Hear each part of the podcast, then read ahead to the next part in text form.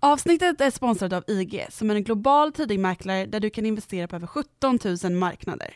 Har man ett vanligt långsiktigt sparande på en bank eller hos en mäklare men man ser möjligheter utanför vad de erbjuder, då kan man komplettera sin handel med IG.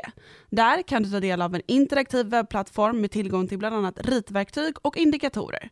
Du handlar utan courtage i till exempel index, råvaror och valutor. IG erbjuder även handel i ISK-konto när du handlar Turbo24, en så kallad turbovarant. Ladda ner IG-appen eller besök ig.com. Men kom ihåg att all handel med finansiella instrument innebär risk.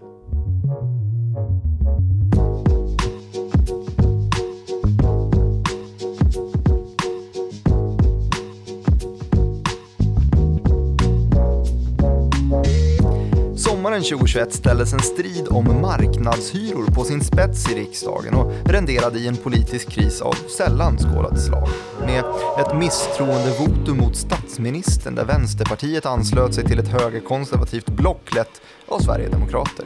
Regeringen med finansminister Magdalena Andersson red ut till statsminister Stefan Löfvens försvar och hävdade att draget att avsätta statsministern var särskilt olämpligt mitt i en ekonomisk kris. Men finansmarknaderna i sin helhet tog utvecklingen med en lång utdragen gäspning och börsen hackade i ett trist och lågvolatilt spann trots krisrubrikerna och det faktum att ordningen rubbats mitt i en pandemi. Vad är det börsen väntar på och vem i vår moderna värld sitter på startpistolen för rörelserna i den dynamiska finansverkligheten där penning och finanspolitik blivit allt mindre åtskilda? Det ska vi prata om i det här avsnittet av Follow the Money, en podcast om makt, storfinans och börsen. Av och med mig Martin Nilsson och utrikesredaktör Joakim Rönning som eh, ser extra trött ut idag. Vad, vad var det egentligen som utlöste den här politiska krisen? Ja, det är ju de här marknadshyrorna då som, eh, som Vänsterpartiet ser som ett sluttande plan och det här förslaget då som har eh, ja, lagts fram och som nu har, det drogs väl tillbaks av Centern men det är ju ändå efter att man då hade redan misstroendeförklarat Stefan Löfven och avsatt honom i praktiken. Så det är ju då att Vänsterpartiet anser att ehm, det förslaget då som lagts på att man skulle ha marknadshyror i nyproduktion framgent ehm, skulle vara ett sluttande plan som också till slut då skulle läcka ner till att det skulle gälla vanliga hyreslägenheter också. Mm. Och Det är ju väldigt drastiskt för svenska bostadsmarknaden, hur den ser ut idag, där man ju inte får hyressätta hur som helst. Så, så det är ju en uh, fråga som naturligtvis appellerar på Vänsterpartiet och uh, deras väljarbas. Mm. Och märkligt nästan att vi än en gång pratar om politik i den här podden. Sån här ganska mikropolitik ändå får man ju säga att, att det är. Ja, det är oftast det. makropolitik men för bara några avsnitt sen så hade vi ett ISK-avsnitt Eh, inte heller det rörde ju finansmarknaderna. Eh, Nej, inte särskilt. Får man väl säga. inte särskilt. Eh, och det är ju det vi ska försöka reda ut här då idag lite grann. Varför och vad som egentligen krävs då för att man ska ja, rycka på ögon, rycka på axlar, mer än rycka på axlar i, på börsgolvet mm. kanske. Men nu har vi ändå fått en ja, men sällan skådad politisk kris. Vi har ju en, en avgång Ja. Eller, eller vad är status precis just nu?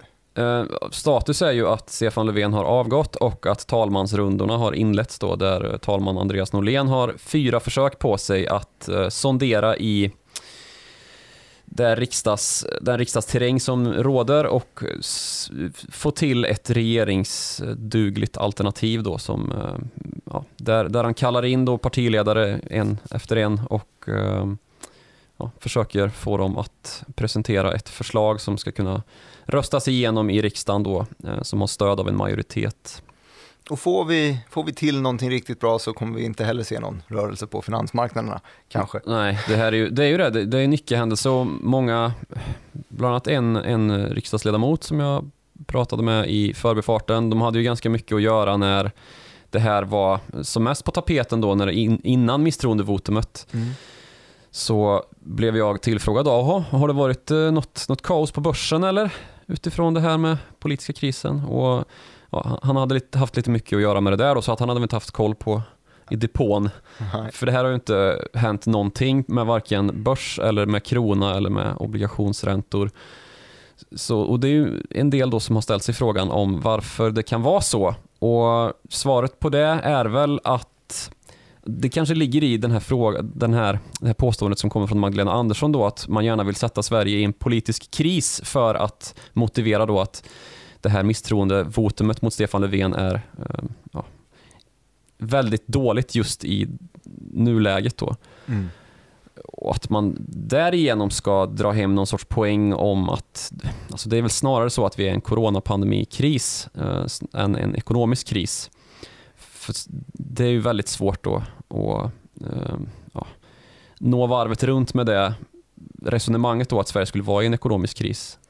Om du tänker på att um... Alltså, vad, vad, brukar man egentligen kolla på för indikatorer? Jag tänker ju då på mm, arbetslöshet, kanske på, på inflation, sådana här stora makroindikatorer. Och inflationen i alla fall enligt Riksbankens mått var, var 2,1% i maj och 2,5% i april. Så där verkar det som att man, eh, man i alla fall inte är mitt i en kris utan möjligtvis i så fall eh, i slutet av en kris. Men å andra sidan arbetslösheten, eh, jag såg att vi rapporterade är det Arbetsförmedlingens siffror 7,9 procent. Det är, det är högre, klart högre än vad mm. det var för pandemin men å andra sidan har den sjunkit i princip varje vecka senaste halvåret. Eh, så vi har ju kommit förbi den här den värsta stunden eh, hittills i alla fall. Vad ska, ska, man kolla mer på?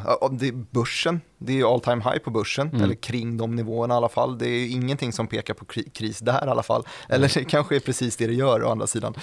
Eh, men kollar man på, mm, säg statsskulden, så är vi absolut inte i någon ekonomisk kris. Det är marginella förändringar har det varit där. Det är ett litet hack i kurvan, men kvar på väldigt låga nivåer. Sveriges ja. statsskuld är ju ganska sund så. Det är för litet, precis som att den här politiska krisen, om en eh, kris, så är den för liten för att det ska rubba finansmarknaderna som ju nu är helt och hållet dränkta i den här diskussionen, eller vad man ska kalla det, eh, om återhämtning, om vaccin och om smittspridning. Sånt betyder så jäkla mycket mer. ja, enkelt. det här, en svensk regeringskris drunknar ju i det liksom stora sammanhanget. Mm. Och Sverige i sig är ju för litet för att styra narrativet, finansmarknadens utveckling överhuvudtaget ju. Inte ens den egna finansmarknaden kan vi ju styra. Um, Eftersom att Sverige ju i en större marknad är del av någonting uh, som en väldigt liten, väldigt, väldigt liten komponent av vad som påverkar egentligen. Ja, men man hamnade i ett sånt där litet eh, tankevurpa också. Kommer du ihåg när man stängde ner tidigt i, i pandemin, och man började få de, se de första lockdownsen? Och eh, man kollade på, på hm aktien och frågade sig, kollade ut på, på gatan och såg att hallå, butiken är ju välbesökta här i Stockholm. Varför, varför sjunker aktien så mycket? Ja, nej, men det är för att svenska marknaden betyder ingenting för H&M. Mm. Det är tyska marknaden som betyder någonting och där är det lockdown. Ja, precis. Man, det är lätt att man blir lite hemmablind så. Det är väldigt lätt hänt, ja. Och, alltså de frågor vi ställer oss nu i ekonomin är ju snarast liksom hur ska efterfrågan mötas utbudsmässigt och sånt eh, som förvisso har en del med politiska beslut att göra men då i sin tur är ju det politiska systemet tillräckligt starkt för att vi ska kunna upprätthålla en, en ordning. Liksom. Det mm. finns ju hur många liksom, nödspärrar som helst i det svenska politiska systemet och sen som du säger då så har vi ju en väldigt, väldigt låg eh, statsskuld jämfört med väldigt många andra länder. Vi är ju långt under EU-snittet eh, e och man kan väl kanske jämföra med den italienska ständigt pågående politiska krisen mm. där ju en sån här liksom, ett misstroendevotum mot en sittande premiärminister hade ju blivit betydligt mer kännbart för italienska banker och för eh, italienska räntor än vad det här blir för kronan och för de svenska eh, obligationsräntorna. Och det beror ju just på det här då, att vi har ett politiskt starkt fundament i samhället, vi har en välordnad eh, ledgång liksom i hur vi ska sköta statsadministrationen och det är ingen fara. Det... Det, det, är ingen på myndigheterna som kastar iväg sina viktiga papper och springer ut genom dörren idag. Det är det ju inte. Vi har liksom Nej. ingen militär som heller liksom står och pockar på... Man följer budget i alla fall. Liksom. Ja. Försvaret följer ju verkligen inte budget. Nej, det är okay. de världssämst på. Men, men eh, det är ju ingen risk för att det blir en militärjunta i alla fall som det är i en del andra länder. Då kanske vi pratar mer typ Sydostasien om vi ska vara i, i nutid. Men, mm. um, alltså, som sagt, då, det är mer realekonomiskt och när Magdalena Andersson, hon motiverade väl det här bes, liksom, uttalandet om att Sverige är mitt i en ekonomisk kris med att då en politisk kris i det här läget kan få företag då att avvakta med investeringar som är viktiga för att man ska kunna hålla upp eh, sysselsättning och sånt här. Och, ah, jag vet inte om det stämmer heller om jag ska vara ärlig. För det styrs ju mycket mer av fundamentan ute i ekonomin. Alltså en restaurang anställer ju folk om det behövs kockar för att man har tillräckligt mycket gäster. Och det är ju någonting som styrs i sin tur då av pandemiutvecklingen snarare än om vi har en politisk kris. Visst, om det skulle vara så att, att eh, viktiga beslut om pandemin inte gick att fatta på grund av att vi har en politisk kris, då skulle det naturligtvis påverka, men det är ju inte så nu. För vi men har ju... Eh, risken har ju i alla fall höjts för det. Säg att det blir en förnyad ekonomisk kris, att vi får ett deltavirusutbrott eller någonting, så är ju i alla fall beslutsfattande kapaciteten sårad. Absolut, så är det. Men uh, inte tillräckligt då är vi ju uh, finansmarknadernas tolkning i alla fall. ganska många om där också. Ja, e-, exakt. Det var nog lite för många om för att för att liksom finansmarknaden ska dra öronen åt sig överhuvudtaget. Men hur går det där förresten, eh, epidemiolog eh, Rönning? Um, ja, vi är ju då i ett läge där den här delta-varianten, delta-mutationen, sprider en massa oro. Och det gör den ju med gott fog. För det har ju visat sig vara då en mutation som är både mer smittsam och som eh, i mycket större utsträckning än de tidigare varianterna åter, eh, får folk att återinsjukna, alltså folk som har blivit sjuka och som kanske till och med har varit sjuka och fått vaccin, eh, att de till och med återinsjuknar då för att det är så pass... Eh, det har ju att göra med att den här mutationen har en, en bättre genetisk sammansättning än vad de tidigare har haft och därmed kan tränga igenom in i mänskliga celler på ett, ett smartare och snabbare sätt. Liksom. Och det är ju bekymmersamt då att vi har samtidigt en stor smittspridning i, om man ser världen i sin helhet. Nu har väl de värsta, liksom, alltså USA har ju kommit på, på bättre, eh, vad ska man säga, bättre del av grafen än vad man mm. var tidigare. Vi ser ju här även i, i eh, Sverige och norra delen av Europa att vi har ganska så kraftiga fall i de här smittkurvorna. Trots att man ser att det var många personer på läktarna i, i fotbolls-EM. Ja, jag undrar hur det är där nere i Budapest, för det är ju det land som har typ näst flest döda per capita i världen. Så det är ju mer en regering som fullständigt skiter i uh, det här viruset som, som vill ja, visa upp sig snarare än något, något annat med. Fidesz-partiet och dess ledare Viktor Orbán där nere som är premiärminister. Så det är ju snarare i linje med vad Ungern visat sig stå för de senaste åren. Ehm, att man ska slå sig för bröstet. Vi pratade om eh, Jair Bolsonaro och um, Man skulle Brasiliens president. med blottat Ja, det är lite samma feeling. Och Brasilien är väl det land som har flest per capita ja, det är som har dött. Ja, så det är ettan och tvåan där. Så där kan man ju verkligen känna att um, de har uppnått något. Nej, men att, att man har två män som, eh, ja, som drar ganska jämnt i mångt och mycket. Viktor Orbán och Jair Bolsonaro med sin mm. populism.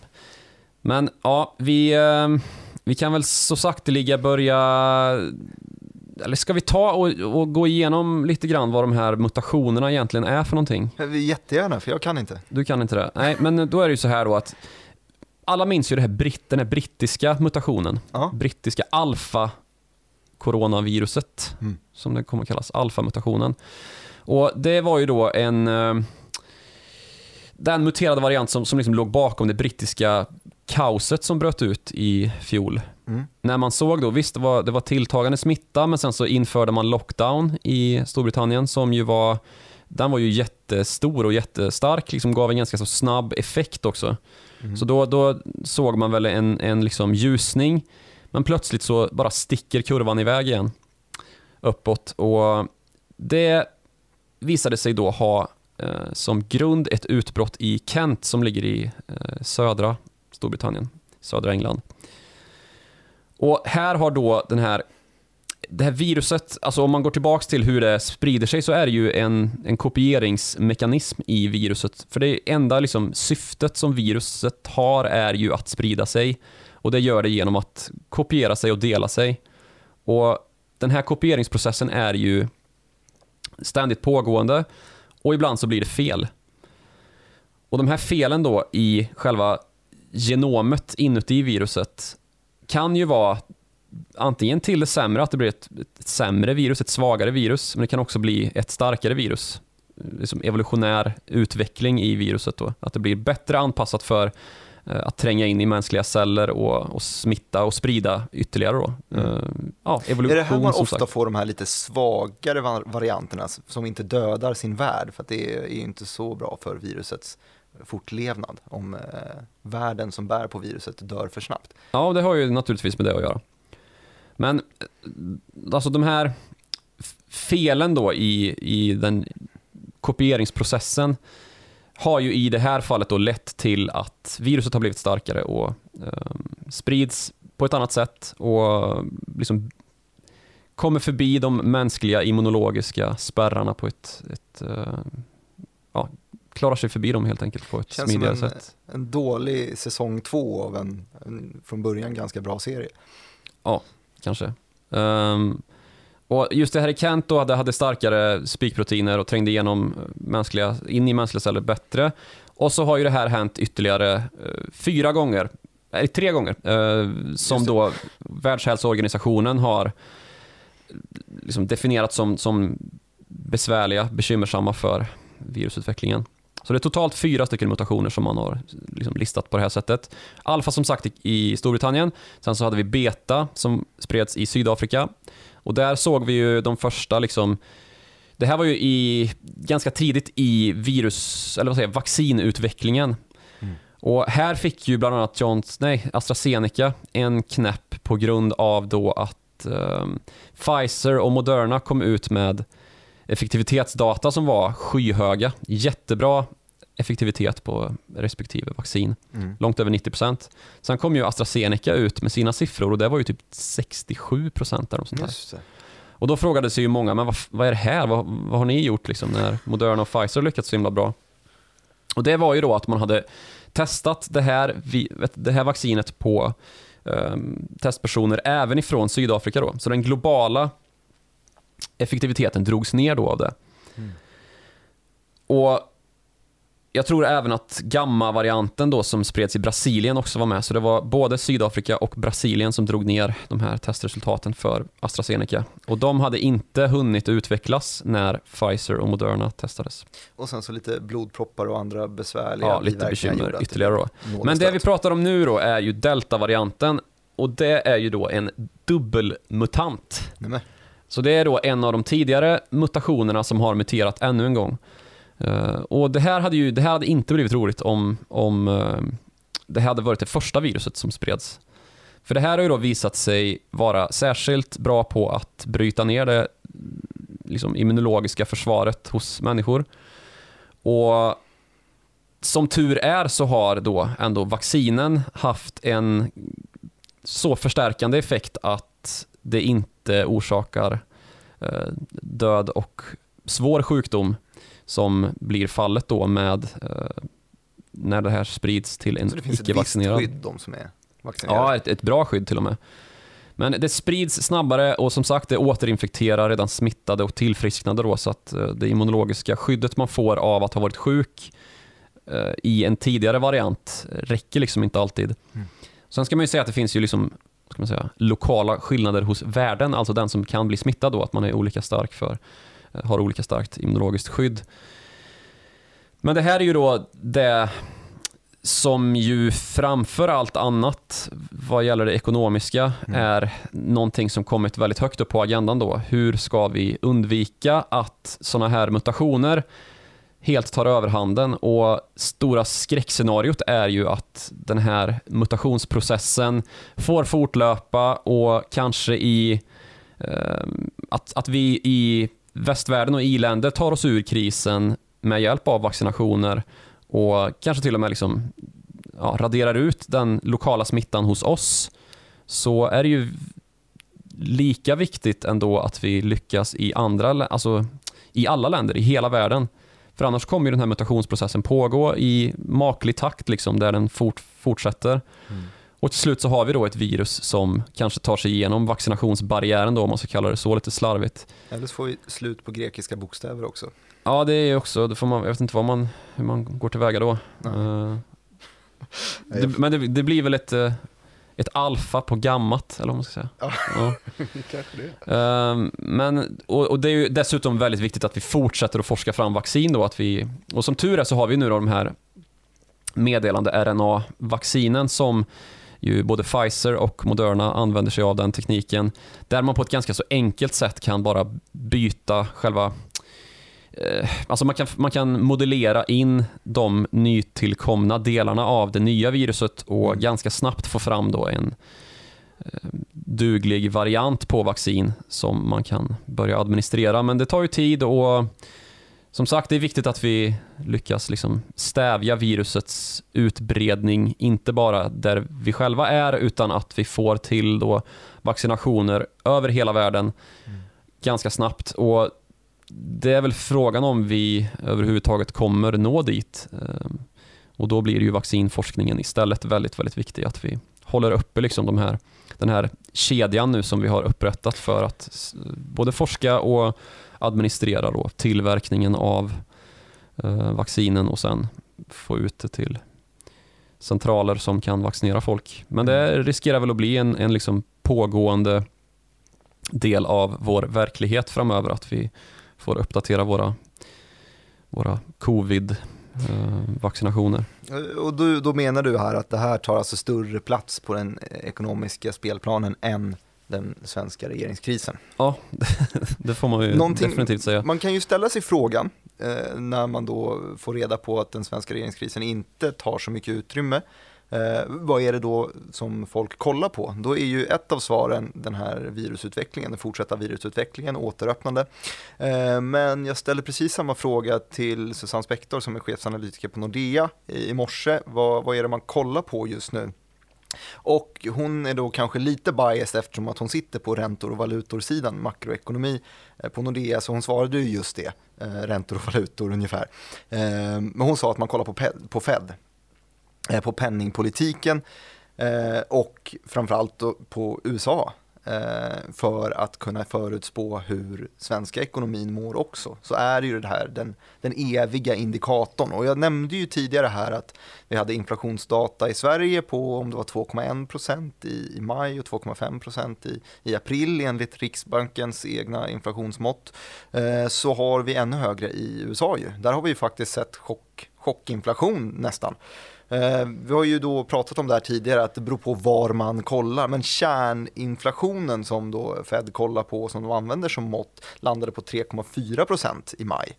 Det är ju en tydlig bit över det här målet som ju alla centralbanker ganska godtyckligt har anammat om 2 procent. Mm. Eh, men då lutar man ju sig då mot det här att det ska vara det över tid. Det är kanske det ordet som framgår Precis. i Och så har det blivit oftast. den här väldigt omfattande Alltså det mest använda ordet tror jag i centralbankslingvistiken de senaste, det senaste halvåret har ju varit transitory, alltså att, att inflationseffekterna är tillfälliga och övergående.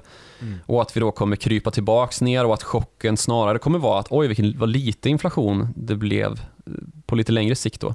Mm. För det här är ju viktigt att reda ut då, vad är inflation? Um, på ett längre, i ett, i ett lite längre scenario. Mm. För det kanske inte gör så mycket om vi har liksom en inflationsspik när vi öppnar upp ekonomierna nu och som sagt där vi ska försöka täppa igen uh, utbudsproblem. Uh, eller vad säger jag, eh, att vi har så hög efterfrågan som måste mötas av ett utbud som ju har problem då med att nå alltså, hyllorna, om man ska säga, uh, affärshyllorna och att, att det står still i en del ändar av leverantörskedjorna och sånt här. Ja, men så att de vanliga varukorgarna för eh, inflationsmätning är inte alltid riktigt tillförlitliga. Någonting som eh, Susanne Spektor talade om var mycket lönenivåerna, att det är där man vill se att att inflationen tar fart, alltså i form av löneökningar. Att man ser de här stadiga löneökningarna för i sin tur så ger det en varaktigare eh, inflation och man kan inte vifta bort det med att de är transitory. Eh, men där har vi någonting som är väldigt spännande, att, eh, som hon nämnde då, och det är arbetsmarknaden i USA, som är verkligen under någon form av ganska extrem obalans. För vi har ju gått från det här eh, skeendet, eller tidsperioden där man har kollat på centralbankerna. Eh, man har lusläst varenda pressmeddelande, varenda penningpolitisk rapport som centralbankerna i världen har skickat ut. Och de här har gett extremt mycket avtryck på finansmarknaderna. Hur mycket stimulans ska de skicka ut? Hur mycket ska vi höja eller sänka räntan och så vidare. Den delen har vi pratat om i podden tidigare, har gått över och ersatts delvis av finanspolitiken. Alltså budgetplaneringen och stimulanspaketen som kommer från finanspolitiskt håll. Det tar allt större plats och där har vi sett då att det har kommit ut ganska grova, framförallt, framförallt i USA, där man har skickat ut checkar till exempel har vi pratat om. Man har också, eh, Biden godkände ju en sån här arbetslöshetsersättningsbonus kan man väl säga, någonting som alltså läggs utöver den ordinarie arbetslöshetsersättningen. Så har man i princip dubblat den med det här stödpaketet, alltså ger väldigt mycket extra stöd till de som inte har något jobb i USA. Mm, jag sökte här ju. Um, och det här gör ju, det är ju nästan som ett lite finanspolitiskt experiment istället. För man har ju inte stimulerat så pass mycket. Och jag tycker att det är tydligt att det är ett finanspolitiskt experiment när man ser hur ekonom, vilka, vilka situation som folk hamnar i. Eh, för hon nämnde då att jo, eh, nu är det ju så att alla stater, framförallt de republikanska, eller de specifikt några republikanska, har tackat nej till den här extra eh, arbetslöshetsersättningen på 300 dollar i veckan. Um, för att man, ja, för att just eh, det blir för mycket. För att man ser nu om man räknar på det att om du har en minimilön, den lägsta minimilönen i där det är som lägst i USA ligger på 7,5 dollar i timmen, jobbar en 40 timmars vecka så, så får du ihop precis 300 dollar i, i veckan. Eh, och arbetslöshetsersättningen kan idag glida upp till sådär 650 dollar i veckan. Och jobbar du, visar du att du jobbar så får du ju inte ta del av arbetslöshetsersättningen. Så att är det så att du lyckas ta ett minimilönjobb på 7,5 dollar i timmen så halverar du din lön i princip. Mm. Och den typen av fenomen lyfter hon då att ja, det gör nog att vi kanske ser en, en, eh, en effekt av att människor har tagit långledigt och väntar på att de här extra stimulanserna, eh, gratispengarna, börja ebba ut. Och det gör de först i september. Så där såg hon då istället ett lite större eh, riskmoment i återöppningen när man trappar av det här och den här extra 300 försvinner. Um, och det finns ju andra fördelar med att jobba också, att man kanske kan ha eh, en sysselsättning, en, ett socialt liv och kanske vissa försäkringar och så vidare som gör ja. att man vill jobba. När då den extra stimulansen försvinner Eh, så kommer det vara väldigt många som söker jobb samtidigt. Och det här är lite svaret på den här ekvationen att just nu skriker företag i USA på arbetskraft. De skriker efter arbetskraft. Eh, men, och arbetslösheten är fortfarande hög, men de hittar inte varandra. Och just för att då eh, dels att man kanske inte har hittat sitt jobb än, det tar tid att, att, få ett jobb. Och dels att det kanske inte finns jättestora incitament förrän i september att, att hitta sitt jobb. Om man känner sig helt säker på att men jag kommer få jobb någon dag i alla fall, då kan man ju lika gärna leva på den här ganska generösa arbetslöshetsersättningen, i alla fall fram till september. Njuta av sommaren, gå ut och festa, ut och kröka i baren, men det kommer nog inte stå någon på andra sidan baren som serverar dig. Nej, precis. Alla vill gå på restaurang och käka middag, men det finns ingen som vill eh, varken laga eller servera maten. Ungefär. Hela USAs arbetsmarknad har tagit semester eller sommarledigt, ja. sommarlov. Sommarlov. Ja. Och det här kan ju då bli en väldigt, vad ska man säga, kalldusch i andra änden ju. Uh, Oj.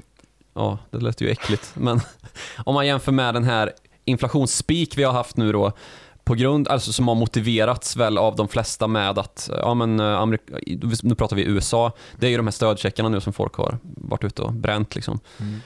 Eh, Och att det istället då till hösten blir att folk inser att oj, jag kanske borde ha haft ett jobb nu, för nu vill ju alla ha jobb och då blir det press på löner eftersom att det blir svårare att förhandla när man sitter mitt emot en potentiell arbetsgivare som säger du får si mycket pengar betalt Mm. och du säger jag vill ha så mycket pengar betalt och arbetsgivaren säger ja men då tar vi någon av de här 700 andra som har sökt samma jobb. Det finns så jäkla mycket incitament just nu i USA att skaffa sig ett svartjobb. Ja, jag. det gör det ju också. Dels har man den där tryggheten och sen så kan man också casha in extremt mycket arbetslöshetsersättning. Ja, tips från Och någonting coachen. att göra. Ja, det är absolut Eh, tips från Men det coachen. här kommer vi ju märka då i höst när vi får lite datapunkter. Och det är många som pratar då om att det här kommer ju märkas i eh, Jackson Hole som ju är centralbankirernas, vad ska man säga, Woodstock. Centralbankirernas eh, Ja, Arvika-festivalen. verkligen. För det är ju en, en, en penningpolitisk konferens där det är väldigt högt i tak. Och det är ofta Ja. nya kontroversiella idéer som vädras där. Precis, det är lite, lite, lite kaosartat. Och det är, om man jämför med vanliga penningpolitiska möten och såna här trista dragningar så är ju Jackson Hole ett evenemang som kan vålla ganska stora och oväntade volatilitetsspikar på börsen. Just för att någon kommer in dragnandes med något eh, nytt modernt penningpolitiskt teorem som man vill dryfta lite grann. Det, så, det är ju där man lanserar en e-dollar för första gången, testar tanken i alla fall. Ja, exakt. Och det pratas, många av de strateger och ehm, prognoschefer och dylikt som jag har intervjuat det senaste halvåret har sagt att ja, men jag tror nog att Fed kommer att börja prata om ehm, tapering vid Jackson Hole-konferensen. Och tapering då, det är då att skala tillbaks stödköpen i obligationsmarknaden som ju låter som en tråkig grej att göra och det tycker ju börsen också att det är. För då blir det ju en riskförskjutning längs hela skalan och folk flyr börsen till förmån för kanske räntepapper och sånt som är lite mindre eh, riskbenäget. Mm. Och Det här är ju någonting som då blir liksom första steget för att bedöma hur Federal Reserve tolkar den här inkommande inflationsdatan eller datan överhuvudtaget. För det är ju det man då har satt fokus på nu det senaste också halvåret. Att man har justerat lite grann sin retorik kring hur man ska um, fatta sina beslut då. Att man inte bara vill se tecken på inflation, utan man vill se faktisk inflation. Och det har man ju fått göra nu. Uh, och då får vi se om den är ihållande i de här första mätningarna nu som kommer tidigt i höst. Om det faktiskt är så att det här inflationsscenariot är vattentätt som ju allt fler tycker jag mig se vill ehm, sätta sina pengar på att det är. Och så de andra då som, som är mer i linje med de tankar som Susan, Susanne Spector var här och pratade om. Att då det blir nog svårt för arbetsmarknaden att absorbera all den här arbetskraft då som ska ut här i höst när, när de här stödpengarna slutar komma ut till folk i USA och man faktiskt börjar tänka på att komma tillbaka i jobb. Och eh, att den liksom motvikten då kommer vara så pass stor att vi ja, men börjar trilla tillbaka ner mot de här extremlåga eh, inflationssiffrorna som vi har haft och dragits med sedan ja, men typ 12 år tillbaka i tiden och finanskrisen när det här kvantitativa lättnads, alltså stödköpen då, det som tapering ska börja avsluta, Mm. faktiskt började och vi fick de här rekordlåga räntorna och extrem hög likviditet i det finansiella systemet som säkrade upp då så att vi inte fick så farlig volatilitet och sådär. Det, det är ju liksom grunden för det finansiella landskap som vi har levt med sedan dess. Och förra gången som man ville trappa ner första gången för, lite för snabbt så fick vi då den här berömda taper tantrum-effekten där det blev panik på Mm. eh, finansmarknaderna när man andades orden nu ska vi börja ta bort de här stimulanserna. Precis, 2013 var det. Ja, just det. Ehm, och eh, man vill ju inte hamna i det läget igen, så just nu pratar man ju väldigt, väldigt varsamt. Det är flera som har sagt att man, ja nu ska man börja prata om att Ja, prata precis. om att prata om att kanske. Ja, Eh, ungefär i, de ordalagen. Eh, och det spär väl på då i så fall eh, gör det svårare för eh, centralbankerna att höja räntan trots att man eh, ekonomin i sig är mår bra. Det Ja. såg vi innan den här pandemin så var det ju det som var debatten. Hur kunde man sitta här på minusränta 2016, 17, 18 eller vad det nu var, men i alla fall på väldigt låga räntor under en tid då ekonomin i sig mådde hyfsat ändå. det mådde jättebra. Eh, varför har man inte höjt? Jo, det var just på grund av det här. Eh, man måste följa eh, de övriga centralbankerna i världen. Sverige är ett litet skitland i jämförelse och trots att vi har den äldsta centralbanken så ha- har vi minst cred. Cred har vi nog, men lite makt i alla fall. Så vi måste följa vad de andra gör och de andra har inte börjat eh, dra ner på stödköpen än så att därför måste vi göra det i deras takt. Och det, det räckte inte det tempot. Och då fann vi oss på den här pottkanten när sen pandemikrisen greppade tag i oss under våren 2020 att eh, vi inte kunde sänka räntorna mer, mer utan vi var tvungna att trycka nya pengar istället och fylla systemet den vägen. Mm.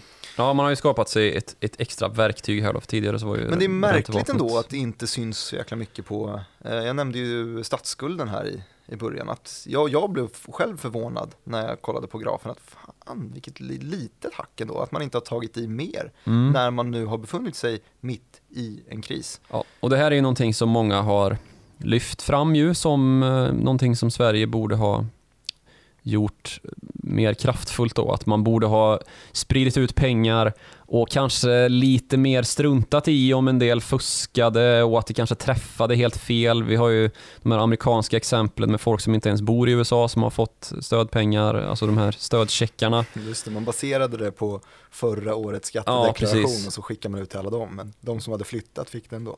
Ja, exakt. Eh, och, och, ja, jag vet inte, det, det är någonting man pratat om, liksom att man inte ska försänka nästa generation i en... Att, att de ska få ett, ett skuldberg att kuva under. Men det är väl kanske lite också, det finns ju en annan sida av det där som då är att vad gör vi med pengarna liksom? Det är, det är ju det som är det viktiga. Om man då investerar det på ett lämpligt sätt så får vi ju en starkare ekonomi och att lämna efter sig en starkare ekonomi kanske är viktigare än den skuld man tar på sig för att skapa den här, viktiga, eh, de här, eh, den här bättre ekonomin. Då. Så, så den diskussionen har väl kanske blivit lite ensidig i politiken om vi hastigt skulle ta och, och gå tillbaka dit och just närma oss det här med skuld, skulderna. För det är ju det man är rädd för. När, ehm, alltså det skräckscenario som hyperinflationister och andra brukar liksom slänga sig med är ju att de- dels då vi får en mycket hö- eller dels att vi får en mycket högre inflationsläsning nu i höst än vad vi har räknat med. Att det blir liksom ett skenande scenario. Ungefär likt de här alltså stålpriser till exempel och andra insatsvaror då.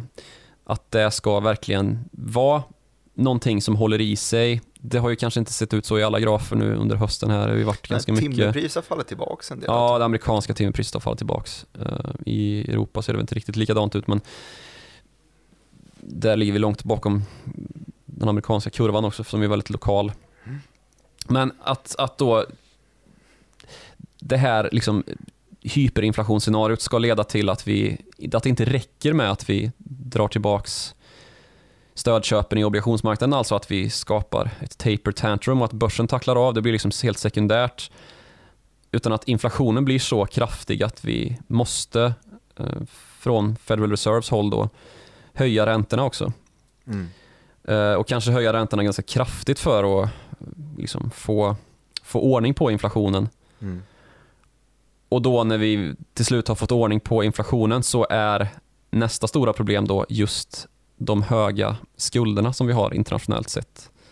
Ja, och, Och där kan man ju säga då ur ett svenskt perspektiv eftersom att vi har så extremt låg statsskuld i Sverige, eller extremt låg är den kanske inte, men den ligger på, vad är det, 40-45% någonting av BNP. ja, där kring. Ja, så kan vi jämföra med vårt favoritexempel Italien då som ligger väl på typ 180% kanske. Mm. Ehm, och som sagt, det är en sån här politisk kris som vi har i Sverige just nu drabbar mycket hårdare. Men, och det är kanske också lite mer att sådana kriser i Italien är ju, de har ju samlats på, staplats på varann. Så där har ju reform, alltså nödvändiga reformer gått om intet. Det har de inte heller gjort i Sverige för att vi har sällan sådana här politiska kriser. Visst, det finns en del reformer som många tycker borde göras i Sverige, men i Italien är det betydligt svårare. Eh, så då blir ytterligare en kris ytterligare komplicerande för den alltså, nationella ekonomin. Då. Mm. Men som sagt, skulderna då, och då är ju en hög ränta som man ska betala av de här höga skulderna på väldigt bekymmersamma ju, för då blir det ju väldigt dyrt att ha höga skulder. Och då tänker man att, ja men vad tur då, för då blir ju inte det något problem för Sverige, eftersom att vi har ganska låg skuld och det stämmer ju. Men det finns ju en annan sorts skuld också, som ju Den måste... moraliska. Den moraliska. Vill du prata om den moraliska skulden i Sverige? Eller ska vi prata om hushållsskulderna istället? Ja, det ska vi De göra. privata skulderna. Där har vi ju lite att göra i Sverige, för där är vi ju ganska så...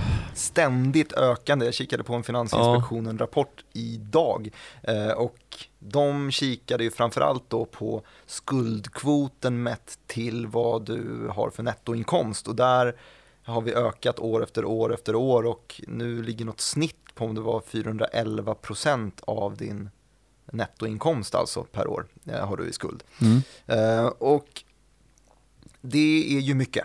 Det är mastigt. Det är det. Det är ju mer än, än vår, vår statsskuld i alla fall. Och det här är inte, det är inte jämförbart av, av en rät linje så, men det är, det är kanske ett svar på varför vi inte har utökat statsskulden. Eh, för du, vi förberedde ju det här avsnittet för några timmar sedan eh, och då upplyser du mig om ett ganska tydligt exempel, för jag satt frågande framför den här skuld, eh, statsskuldgrafen på hur den hade sjunkit sedan ja, men de senaste 30 åren ungefär. Vi pikade under tidigt 90-tal och då var den över 80 procent. Mm. Eh, Och vad hade hänt då?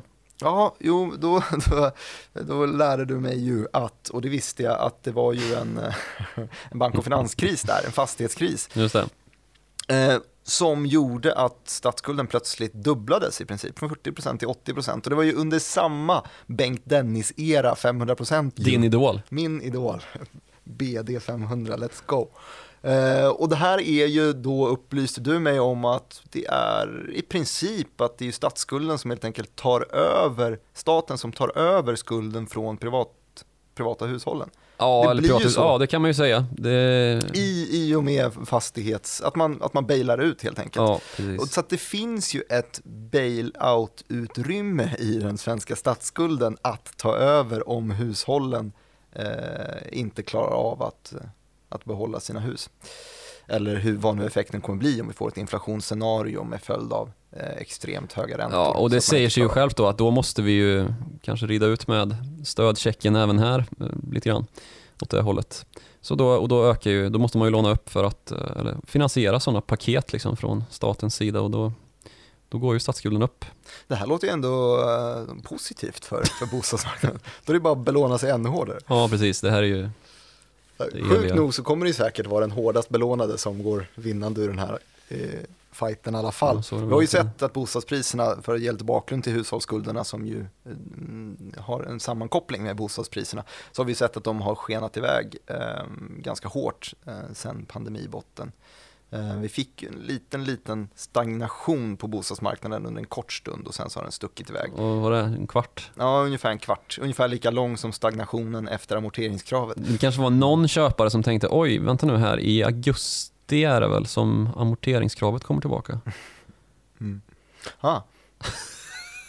Har du tänkt på det? Nej, jag har inte tänkt på det. Nej, du har ju inte köpt villa i sommar heller så. Nej, det har jag inte gjort. Nej. Tack. Tråkigt. Nej, men eh, Sverige är ju då ja, Europas näst mest belånade folk efter Danmark. Mm. Så här har vi ju lite att fundera på då, för det är ju inte bara så att staten betalar tillbaks sina skulder mot någon sorts ränta, utan det gör ju även de som har ett lån i någon annan. Och staten är Säkerhet. ju folket i någon mån. Ja, det är det ju också. Men eh, det, ju, det här kommer ju då innebära naturligtvis att eh, bolåneräntor och dylikt kommer klättra uppåt om vi skulle få ett sånt scenario där inflationen skjuter över och det inte räcker med tapering. Man ska väl också vara väldigt tydlig med att det är rätt långt dit. Mm. Det är mycket som ska hända, eh, men sjukare saker har ju också hänt och det, det här behöver vi kanske inte ens prata om som i någon sorts hyperinflationsscenario.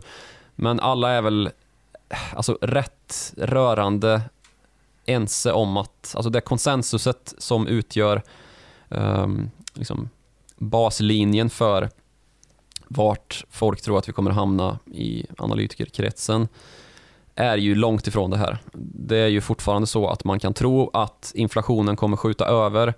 Uh, det gör ju bland annat Susanne Spectors kollegor på Makro Just det, Research eh, Sarve och avdelningen. Ja, precis.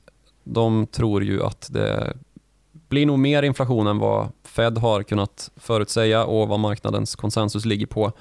Men det kommer ändå vara så att man kommer behöva höja räntorna väldigt, väldigt makligt, väldigt långsamt. Liksom. Och här har vi faktiskt en skillnad kommer jag att tänka på. Eh, eftersom vi har dragit så räta linjer mellan Sverige och USA så finns det ju ett helt skillnad i, i mandatet mellan de här centralbankerna.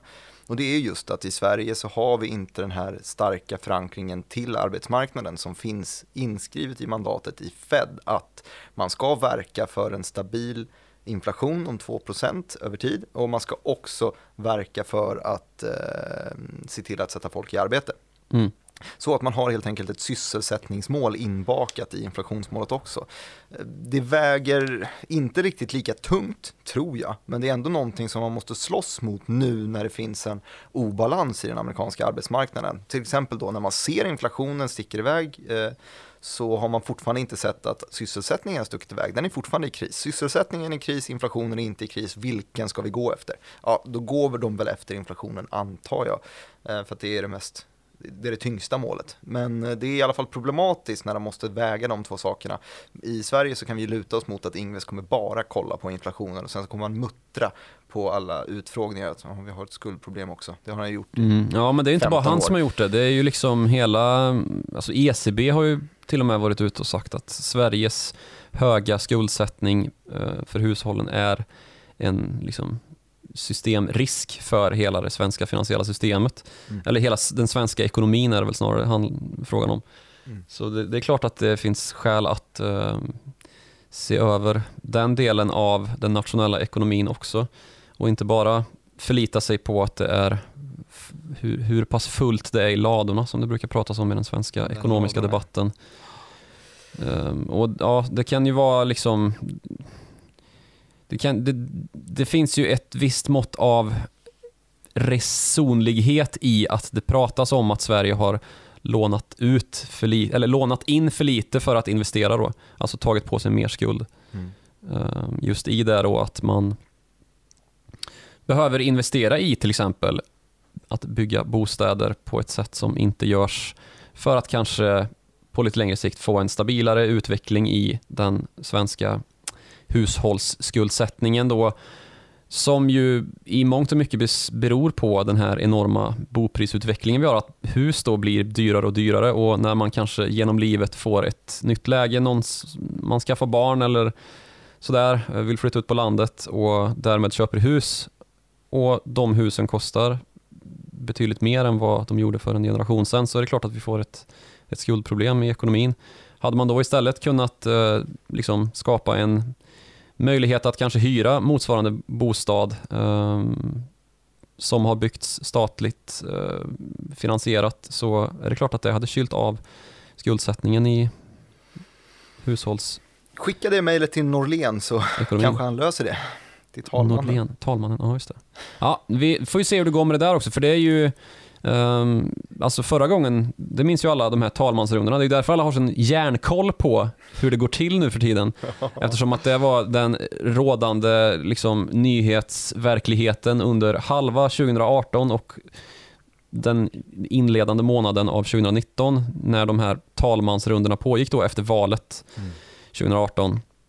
Som ju slutade i det här klena underlaget för blocken som vi brukar liksom definiera dem med höger och vänster.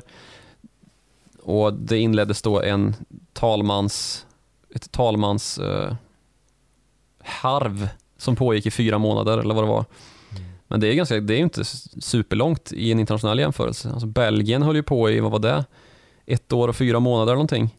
Mm. Och alltså rent, vad ska man säga, rent faktiskt så skulle det här, de här talmansrundorna kunna pågå ända till 2022 när vi har nästa val.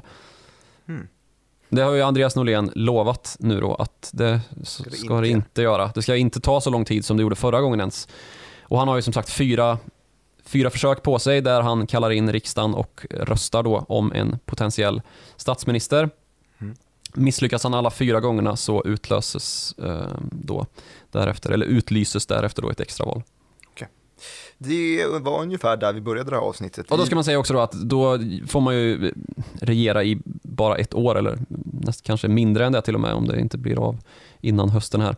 Så det är ganska lite man slåss om i en sån valrörelse trots allt.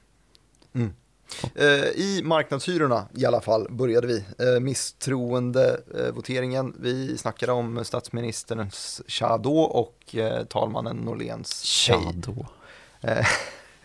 Och eh, vi drog oss därefter till den ekonomiska utvecklingen där vi eh, om vi befinner oss i en ekonomisk kris eller invid eller i början eller i slutet och vi kom inte fram till någonting.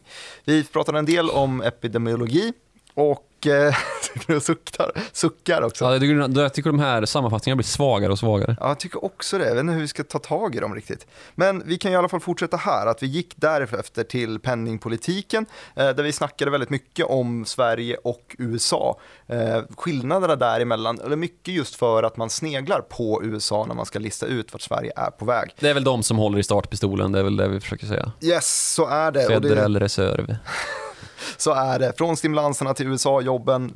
Du nämnde att höstdatan kommer vara viktig inför den här Fed tapering följt av räntorna. Efter räntorna så kommer ju skulderna och då landade vi någonstans i en debatt mellan Sa vi att Jackson Hole är i augusti? Nej, det hoppas jag inte. Är det det? Ja. Är det redan? Jag trodde att det var hösten sen. Ja, det är väl hösten. Augusti. Okay.